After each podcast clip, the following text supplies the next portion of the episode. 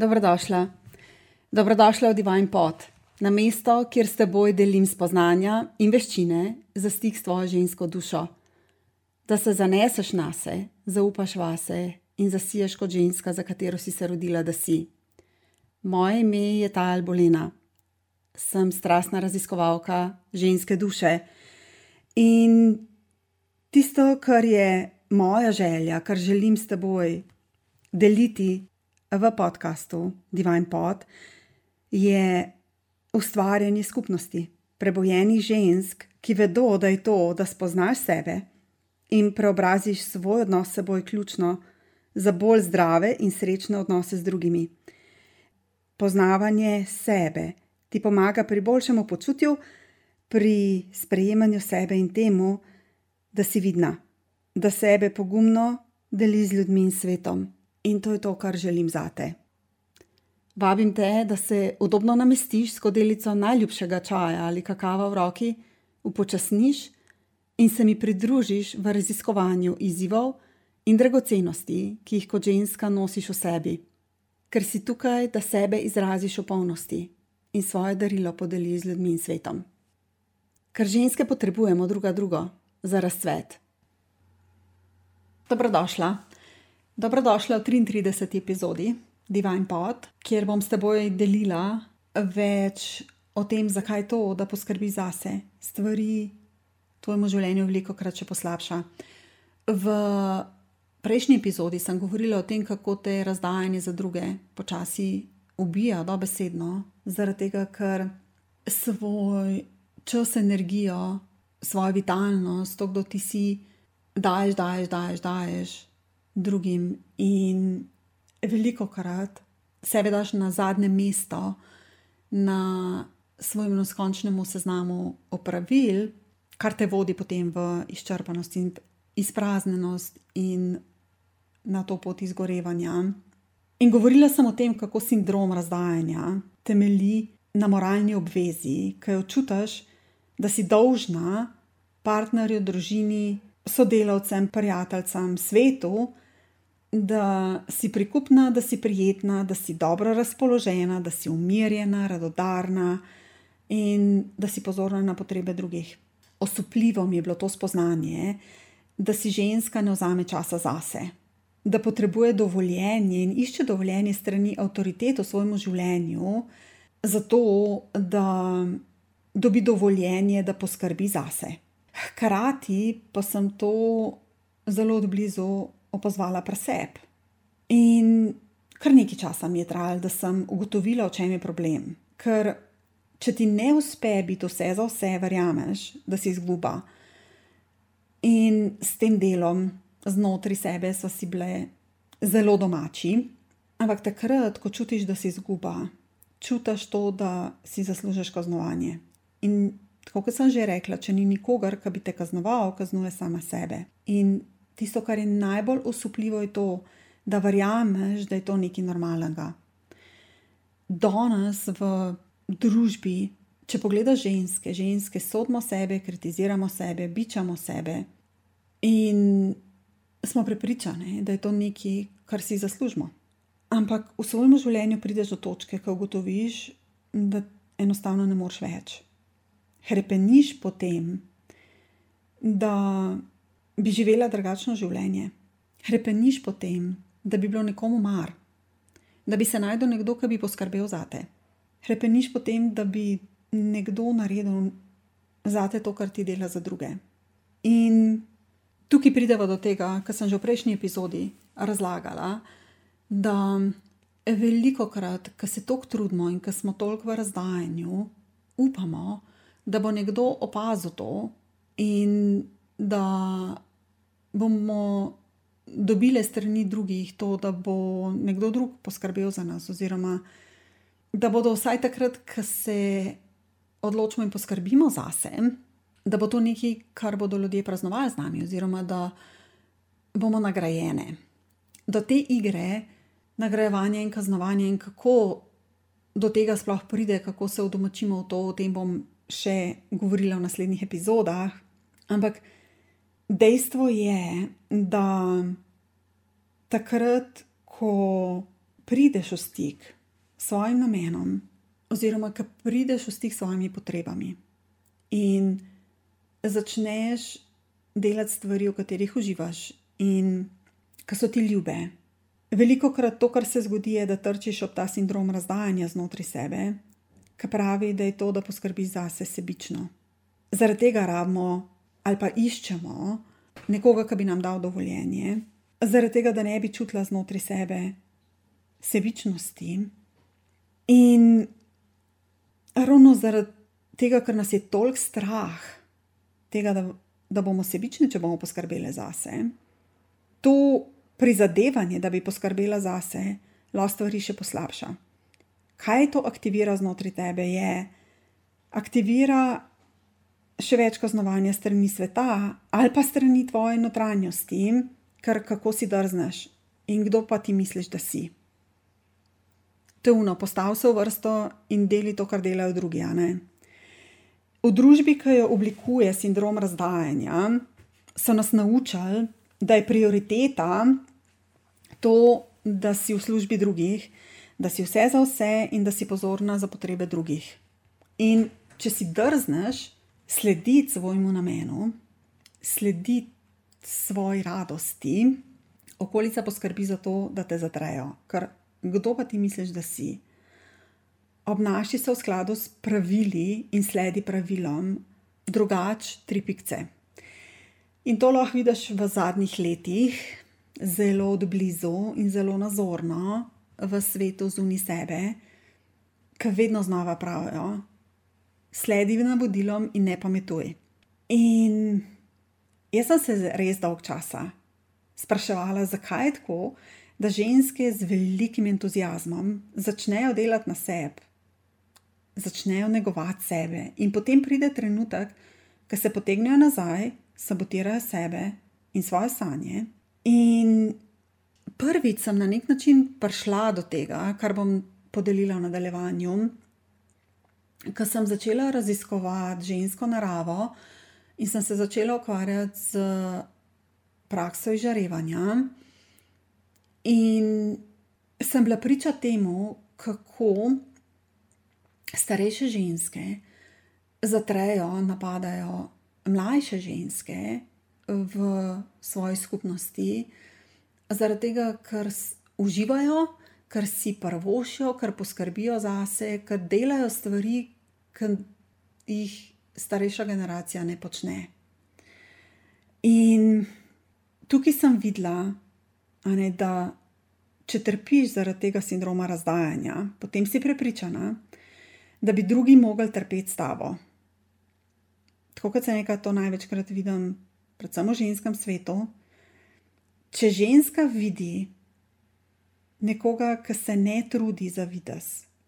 Če ženska vidi drugo žensko, ki ni urejena, ali pa za njen pogled preobilna, in ta oseba z veseljem uživa na tortici, je to nekaj, kar jo lahko totalno razbesni. Zaradi tega, ker kako si drzne biti neurejena ali pa imeti toliko več kilogramov in uživati v sledici, to vendar ni dovoljeno. Ali pa če vidi žensko, ki se ne trudi, da bi nadzorovala svoje čustva, da bi se drugi ob njej počutili udobno in jo sodaš. In zase vem, da sem bila vedno znova sojena strani žensk, zaradi tega, ker nisem skrivala svojega žalovanja, svoje žalosti, svoje jeze ali pa strahu, karkoli je bilo tisto, kar se je dogajalo v moji notranjosti. Velikrat se to pokaže na ta način, da ljudje enostavno ne vejo, kaj početi s tavo. Takrat, ko se zjokaš ali pa se ne trudaš, da bi prikrila, skrila to, kar se dogaja znotraj tebe. Če je fora, takrat, ko si dovoliš, da si to, kar si, tukaj je pomembno, da poznaš razliko med tem, kdaj si v projiciranju na druge ali pa poskušaš stvari izliti na druge, narediti druge odgovorne za to, kar se dogaja znotraj tebe, in razliko med tem, ko enostavno držiš prostor zase, ampak se ne trudiš skriti to, kar se dogaja v tvoji notranjosti. Izziv je v tem, da se ljudje veliko krat počutijo neudobno, če si sitna, zoprna ali pa nerazpoložena. In zaradi tega je to, kar sem prej rekla, da se pričakuje, da je moralna obveza ženske to, da je prijetna, dobro razpoložena, umirjena, da ne dela scene, da se vede, da je urejena. In jaz zase vem, da so bile to stvari, ki so me spravljale ob pamet. In dolg časa nisem vedela, zakaj. Zakaj sem bila v takem uporu do tega, da bi bila urejena, zakaj sem bila v takem uporu do tega, da bi bila všečna in prikupna in umirjena, dal me je na obrate vedno znova. Danes vem, zakaj.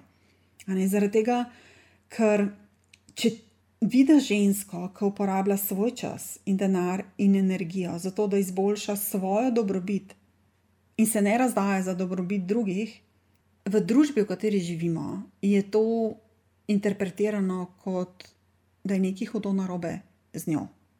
In jaz vem, kolikrat sem se počutila sojeno, in fore je v tem, da ni nujno, da ti kdorkoli karkoli reče. Pogled je včasih dovolj. Oziroma, če si senzitivna, empatična, intuitivna ženska, definitivno čutiš, kaj je prisotno v prostoru, definitivno čutiš takrat, ko te ljudje sodijo in kritizirajo in te bičajo in kaznujejo, tudi če tega ne izrazijo na glas. In to je tisto, kar se neka, da je družba, v kateri živimo, naravnana na ta način, da če moramo vsi slediti pravilom, kdo si ti, a si ti kaj drugačna, pa ali moraš slediti tudi ti. In to lahko preslikaš v aktualno dogajanje, dogajanje, ki smo mu bili priča zadnji dve leti, sojenje, kritiziranje, razsojenje, kaznovanje in bičanje, zaradi tega, ker ne slediš pravilom, ker se ne držiš tega, česar se držijo vsi ostali. Dejstvo je, da žensko, ki se ne prilagodi, sodno. Tukaj lahko slišiš, da si polna sebe, da si ambiciozna, da ti ni mar za druge. In tukaj se pokaže to, kako smo udomačeni v to, da služimo sistemu, kako smo indoktrinirani v to, da stvari delamo tako, kot se pričakuje od nas. In definitivno lahko v svojem življenju najdeš situacije z ljudmi, ki so ti bili blizu, ali pa ki ti niso bili toliko blizu, kjer si takrat, ko si, si podarila čas zase in poskušala poskrbeti zase, kjer je to stvari v partnerskem odnosu še poslabšal, v prijateljskem odnosu še poslabšal, ali pa v odnosih poslovnih, družinskih, skratka. Tukaj se pokaže to, kako je to razdajanje za druge. Nekaj, kar je stvar pričakovanj, kako te razdajanje za druge pravzaprav odvrne od tega, da slediš svoji duši, svojemu življenjskemu namenu in da res zaživiš svoj potencial. In tisto, kar je tukaj ključnega pomena, je to, da prepoznaš, da ti nihče zunaj tebe ne more pomagati, da bi vzela svojo moč nazaj, oziroma da bi res poskrbela zase. To je tvoje delo. Nihče ga ne more narediti na mestu tebe, in ni na ljudeh zunaj tebe, da te podpirajo v tem. Jaz mislim, da je to ena izmed najtežjih stvari. Takrat, ko prepoznaš, kaj potrebuješ, da ne pričakuješ od ljudi okrog tebe, da bodo naredili karkoli, da bi bilo te plaži. In da prepoznaš to, kako veliko krat, ko izbereš to pot, vsaj v prvi vrsti, ampak v resnici, jaz mislim, da nikoli ne prideš do tega, da ne bi bilo te reakcije od odzuni, da ti ljudje okrog tebe mečejo polena pod noga. To je nekaj, kar od žensk veliko krat slišim. Jaz mislim, da je to ena tistih stvari, ki je eno največjih razočaranj ženske, ki gre na to pot ljubezni in izbere, da bo varovala ljubezen v svojem življenju in daje stvari v prakso, poskrbi za sebe, In potem je osupla ob tem, ker ta kritika, to, da jo okolica ne podpira, pride strani ljudi, od katerih bi si najbolj želela, da bi zmogli praznovati z njo, oziroma da bi jo podprli v tem prizadevanju, da neguje sebe, da poskrbi zase. In zaradi tega je to, da najdeš svojo jato, svojo skupnost žensk, ki so vse na tej poti in ki razumejo izzive, s katerimi se na tej poti nazaj k sebi soočaš, toliko ključnega pomena. Ker dejstvo je, da potrebujemo skupnost, dejstvo je, da potrebuješ podporo in povezanost. In ja, izziv je definitivno v tem, ker tega veliko krat ne dobiš v okolju svoje družine ali pa prijateljstv, tistih, ki bi si v bistvu najbolj želela, da bi te podprli na tej tvoji poti. In to je bilo tisto, kar je bilo meni tako res, res osupljivo na, na moji poti, ker sem videla, da sem jaz rabila usvojiti te prakse, res poskrbeti zase, praznovati to, da sem negovala sebe, brez pričakovanj, da bom dobila to pohvalo ali pa potrditev iz unanjega sveta. In tukaj se vedno znova vračava nazaj na to hči patriarhata, ki v bistvu je v tebi in to je tisti del, s katerim se rabi soočiti znotraj sebe, s katerim se moraš pomiriti znotraj sebe. In ja, definitivno okolica te tukaj vedno znova izove, odslikati stvari, ampak na tebi je, da prepoznaš, kaj je tvoje, kaj ni tvoje, da postaviš meje, da praznuješ sebe, poskrbi zase, ne glede na to, da to pomeni neudobje zaradi tega, ker si sojena ali pa celo kaznovana zaradi tega. In tukaj je ključnega pomena, da se znotraj sebe spoznaš s tem delom, ki te kritizira in sodi in napada in ponižuje. Ta del, ki si ga v bistvu prevzela strani okolice, oziroma je oblikoval tvojo notranjo dinamiko. In to je tisto, o čemer bom s teboj delila več v naslednji epizodi. Zaradi tega, ker je res ključnega pomena, da prepoznaš, kako, do, kako smo sploh do tega prišli. Ker to ni nekaj, kar se dogaja samo tebi. To je bilo tisto, kar je bilo za me osebno toliko osupljivo in pri čemer mi je skupnost enako mislečih žensk res, res pomagala. Ker sem ugotovila, da to niso stvari, ki so se dogajale samo meni. Izziv je v tem, ker ena od stvari, ki je povezana tudi s tem programom razdajanja, oziroma tega, v kar smo domačeni, je tudi ta, da te je toliko sram tega, kar se ti dogaja, če ne uspeš slediti temu, ne, da si v razdajanju, da poskrbi za druge, da vedno potrebe drugih daš pred svoje. Tako kot se reka, del programiranja je ta, da če ni nikogar okrog tebe, ki bi te kaznoval, to narediš sama sebi. In tukaj je res, res pomembno, da prepoznaš ta del, s katerim se bojuje znotraj sebe, oziroma ki ga ima znotraj sebe in te biča, spet smo pri tem, da ne bo pomagalo to, da greš v boj, ali pa da bežiš od njega, ali pa da ga ignoriraš. To, da se obrneš temu delu znotraj sebe in se z njim pomiriš, je res ključnega pomena. Ampak to, kar bom s teboj delila v naslednji epizodi, je, kako sploh prideva do tega kako pride do tega, da smo udomačene v to, da, da toliko verjamemo tem procesom, da jih toliko posvojimo in si jih prisvojimo, da mislimo, da je to nekaj normalnega.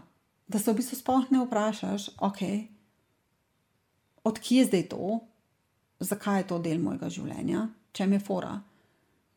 Ampak da enostavno To je tisto, da stisneš gumb in se odrola program, ki je znotraj tebe.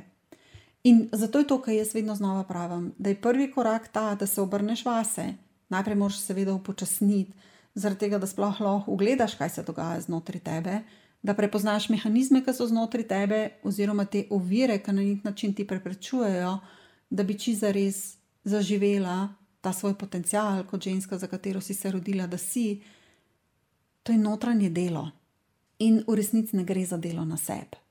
V resnici gre za to, da to terja veliko sočutja do sebe, veliko ljubezni, prijaznosti. In doskrat je tako, da mislimo, da se moraš obnašati na določen način, živeti na določen način, spet, da si zaslužiš to, da si lahko prijazna in ljubeča do sebe. Tolikrat sem v svojem življenju slišala ženske, ki so rekle, da imajo še toliko dela na sebi in da dokler ne bodo te stvari razčistile pri sebi, popravile sebe, spremenile sebe ne, v podnapisih, da v bistvu ne morejo svojega darila, tega, kdo či za res so deliti z ljudmi in svetom. In vedno sem jim zdel to tako, kar neki, boljšit, ni res. Ampak danes razumem, o čem so či za res govorile in kako smo na eni strani sprogramirani tudi v to, da sabotiramo same sebe, da ne gremo za tem, kaj je tisto darilo, kaj je tisti potencial, s katerim si prišla na ta planet, ki ga imaš, da ga deliš z ljudmi in svetom. In zaradi tega je toliko pomemben razumeti te mehanizme, ki jih imamo znotraj sebe, toliko pomemben se spogledati s tem, res prepoznati, kaj nas stvari, ker drugače se vedno znova ciklaš v enih in istih stvareh in se ne premakneš onkraj tega. In ne prepoznaš, da v bistvu si ti tista, ki ustvarjaš življenje, v katerem živiš, in da v bistvu je lahko tvoje življenje drugačno. Ful bom vesela, če boš delila z menoj svoje uvide, aha, momente, kaj se te najbolj dotaknilo, kaj so vprašanja, ki jih imaš. Vesela bom, če boš to epizodo delila z ženskami v svojem življenju, zaradi tega, ker se mi zdi res ključnega pomena, da čim več žensk prepozna, zakaj je tako, da to, da poskrbi za sebe, lahko stvari v tvojem življenju še poslabša. Zaradi česar potem sabotiramo same sebe in veliko krat ne naredimo tega, kar vemo in čutimo znotraj sebe, da bi ti koristili, da bi ti dobro delo, enostavno ne narediš tega, ker upaš, da boš dobila dovoljenje, da to narediš v svetu zunaj sebe. Res, res se mi zdi pomembno, da se začnemo zavedati tega, da tega dovoljenja ne boš dobila iz zunanjega sveta, da ni na tvojemu partnerju, prijateljcah, šefu, komorkoli, da ti da dovoljenje za to, da ti poskrbi zase, da je na tebi, da to narediš. In tako kot se reka, aha, momenti, dobrodošli. V naslednji epizodi bom s teboj delila zakaj fake it till you make it ne deluje, oziroma kaj je tisto, kar nas vodi v to, da smo utrujeni od pretvarjanja. To je eden tistih aspektov, ki me je leta dajo na obrate, zaradi tega, ker enostavno nisem mogla sprejeti tega, da te pretvarjanje res pripelje do tja, kamor si želiš in v naslednji epizodi delim s teboj več, do takrat pa uživa brezmejno, bodi sjajno. Hvala za to, da si in se veš, bodi svetloba, ki jo želiš videti v svetu, tam zunaj. Pa pa.